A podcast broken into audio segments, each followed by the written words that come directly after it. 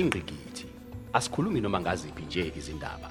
Sithukusa ezindabeni eziqukethe ubunjalo obuyifagugu umsoco banzi kanye nobuntatheli obuhlabahlosile itholakala maphakathi nesonto njalo ntambama ngelesithupha lapho sifunda khona izindaba ezintathu ezikhethiwe oshicilelweni lwakamuva lwephephandaba ibayede amadocumentary kanye nokulandisa. Kuzo zonke izimvezwa nama-podcast abalaleli abathokozeli ubuntatheli obuhlabahlosile amadocumentary nokuhlaziya kuphela kodwa bafunda kabanzi ngolimi. Hlanganyela nathi ngelesithupha ntambama maphakathi nesonto uthole ingqikithi. Luyamemeza usuthu yamazulu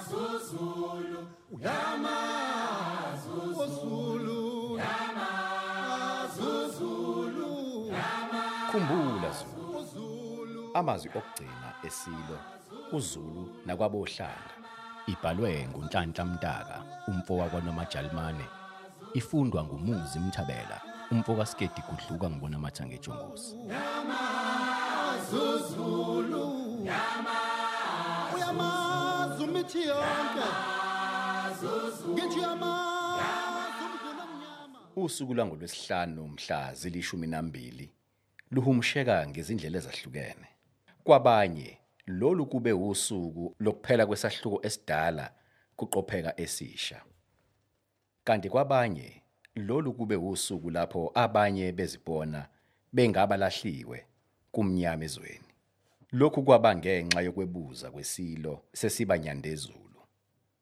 Akukho ungabaza ekuthini lokhu kwenzeka uZulu engalindele futhi ungekho esimweni imqondo sokwamukela ukuthi siqu songangezwe ebesisazi kule minyaka engamashumi amane nesishagalolunye sesiyakusuka phambi kwethu. Usuku lwamhla ziyishumi nesishagalombili kundasa entathakusa isilo silondoloziwe kulandelwa ngokuphelele inqubo yesintu. Nokho ukuhamba kwaso kusondeze isexwayiso saso nesasisho eziqutshini eziningana lapho sikhuluma namakhosi ezizwe kanye noZulu uphelele. Sikhuluma nelabohlanga ngemuva nje kancane kokuba sithathe uhambo lokuya eEngland njengengxenye yokuhamba ezinyathelweni zikakhokho waso ingonyama ocetshwayo kampande. Isilo sathi ngodaba lobukhosi ngiyazi ukuthi ngalesi sikhathi sedemocracy bakhona phakathi kwethu abalala bengalele emzamweni yokwehlukanisa inhloko okuyisihlalo nomzimba okungamakhosi nezizwe. Kusho isilo ngalaba esababiza ngezitha zikaZulu. Saqhubeka sathi laba bazongena ngenxeba lokubona ukuthi amakhosi ayaqhubeka nokuba mancane ngeminyaka ngenxa yokuhamba koyise. Bazobhebhethekisa imbango yemindeni kuxabane izingane zendoda zibanga isihlangu. Okunye okuzokwenzeka ukunyundela isihlalo sibekwe njengento engenandaba nabantu kusho isilo. Sakhala ngesidingo sokuvusa isikole samakhosi esifana nekolishi eliqanjwe ngengonyama endala unyanga izizwe iKing Bhekuzulu College. Saqhubeka sathi sidinga isikole esifana nalesi ngoba thina sonke saphuma ekolishi lamakhosi sabe sinokuthilo kwehlukile. Sasizwelana sikhulisana sivakashelana futhi sihloniphana. Hayi manje lapho izingane zamakhosi angomnawe nabanewethu esehlukaniswe ipolitiki nohulumeni. Muva nje sekuze kube khona amakhosi amaphepha nawo okungamaphepha omgunyathi kusho isilo. Sexwayisa amakhosi mhla kuvulwa indlu yawo ondini ngonyaka ka2018 sathi kuwo ngobumqoka bobunye. Nakumalungu alendlu ngiyafisa ngalesi sikhathi nibheke ukunyathela kwethu ngoba kukhona abahlela ukwesahlukanisa phakathi. Bakhona abangakuthandi ukuthi sikhuluma ngazwi linye yikho belala bengalele nje behlanganisa izinto ezizosiqhatha.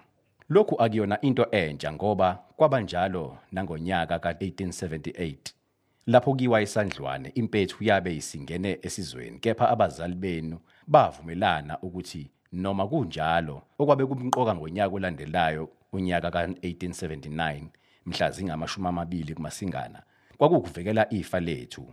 Umhlaba saqhubeka sathi namanje angingabazi ukuthi kungenzeka ukuthi kukhona okungenzeka kube khona ukungaboni ngasolinye Kulokho ngithi sikaniphethini kokhokho benu. Ningawasusi amehlo enu kulokho okumqoka. Asivikele ifa lethu nelesizukulwane sethu kuyothi sekudlulile bese sibuya silungisana. Kwexwayisa ongangezwe lakhe. Yize sabe singenanxa nokuba izinduna ezindaweni zamakhosi zihlomule, kepha saxwayisa ngalokho esakubiza ngonoxhaka. Sabe sesithi izinduna ziluhlaka lobukhosi futhi uma kuvela ithuba namandla okuba zihlomule kuhle. Kepha lapha uhulumeni noma ngithi abathile kuhulumeni badlala umdlalo ojulile. Siphila ezikhathini lapho abantu bengalingeka ukukhonza imali kunobukhosi. Ngendlela uhulumeni enza ngayo uzodala isithombe sokuthi izinduna lezi ngezakhe ngoba eziholela nokuzoziqhatha namakhosi nawo avele esehlukene phakathi. Bazobulala abantu bakababa bese kuba neva esizweni, kusho isilo ngokukhathazeka. Esikhathini esingangesonto elabohlanga ngaphansi kwesihloko ziphansi izinsizwa namakhosi ayaphatheka ekufeni kwezinduna. Kwavela izinsolo zokuthi lapha emphakathini sekuqalile ukungqubuzana phakathi kwezinduna namakhosi phakathi kokunye ngodaba lwemhlomulo. Buchaza ubuholi bezinduna ngalokhu bathi abunanazanga ukuthi kukhona ukuphambana phakathi kwamakhosi nazo izinduna. Isilo sachaza iqhingasu labafuna ukwehlukanisa uZulu ngokuthi lizoqala ekuqhatheni isihlalo namakhosi. Kwedlulele emakhosini nasezinduneni, kepha sathi okukhulu kakhulu ukwehlukanisa indlunkulu kaZulu. Sisho lokhu sakhomba ubufakazi bomlando ukuthi isitha asikaze sinqobe uZulu uma ebumbene, kepha sinqoba ngokungena ngenxeba lengxabano endlunkulu nasesizweni. Umhlaba yingubo kaZulu. Udaba lomhlaba beluhlale lusezindebeni zesilo. Umhlaba sabe siwubiza ngengubo kaZulu. Elabohlanga selibike kaningana ngombango khona mayelana nohlaka lobukhosi ingonyama trust. Sihamba nje isilo bese kukhona imbiko emibili ebethi alunqundwe amandla loluhlaka. Oqala wakhishwa yithimba elabe liholwa ngowabe eliyisekela mengameli umnumzane Khalima Mutlante. Owesibili wakhishwa yithimba elabe liholwa ngudokotela uMahlathi. Womabili lamathimba akushoyo awehlanga kahle komdala noZulu. KokaMutlante isilo sabiza imbizo kaZulu eyabe isenhlokodolobha indala kaZulu ondini. Ngosuku lwembizo okwabe zizine kuNtulikazi kwabamnyama izinkalo. Inkundla yagcwala mukuthu.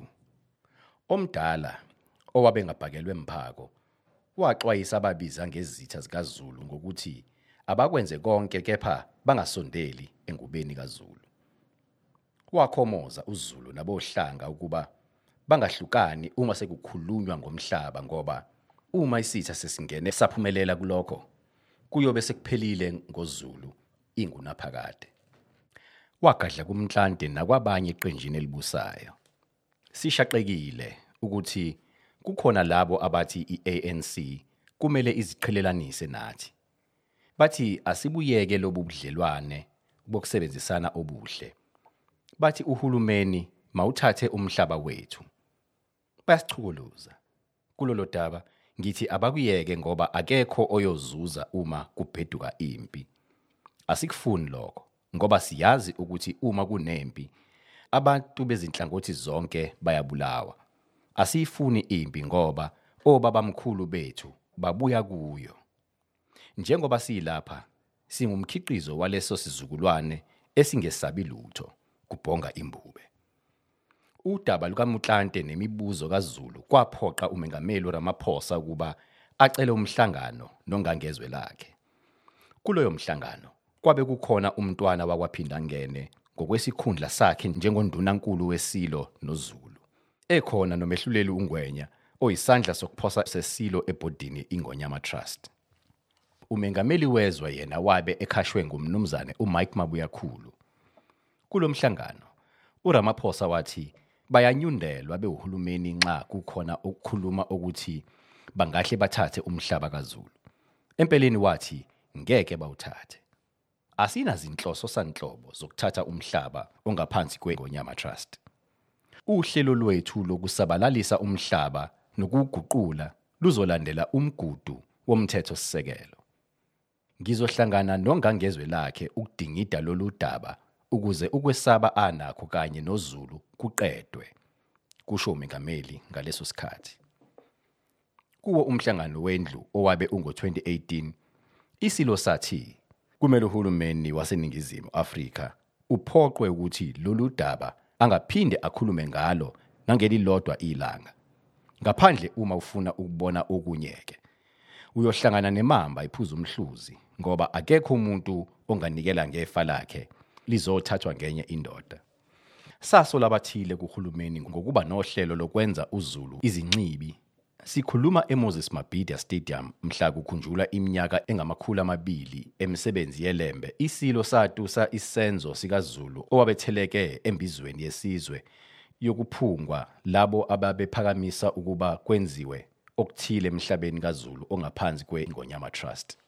Waphefumula wathi abafo abafuna ukugwamanda umhlaba kaZulu bebehlose ukusidumaza ukusenza izincibi ezweni kepha akwenzeki lokho bavuse okukhulu kithi.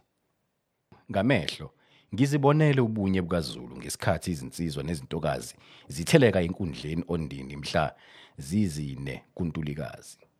Okwathi uma sezithe shaye umhlaba wabona futhi wanambitha kwathaphuka iphunga elimnandi likaZulu obumbene kusho omdala emamatheka.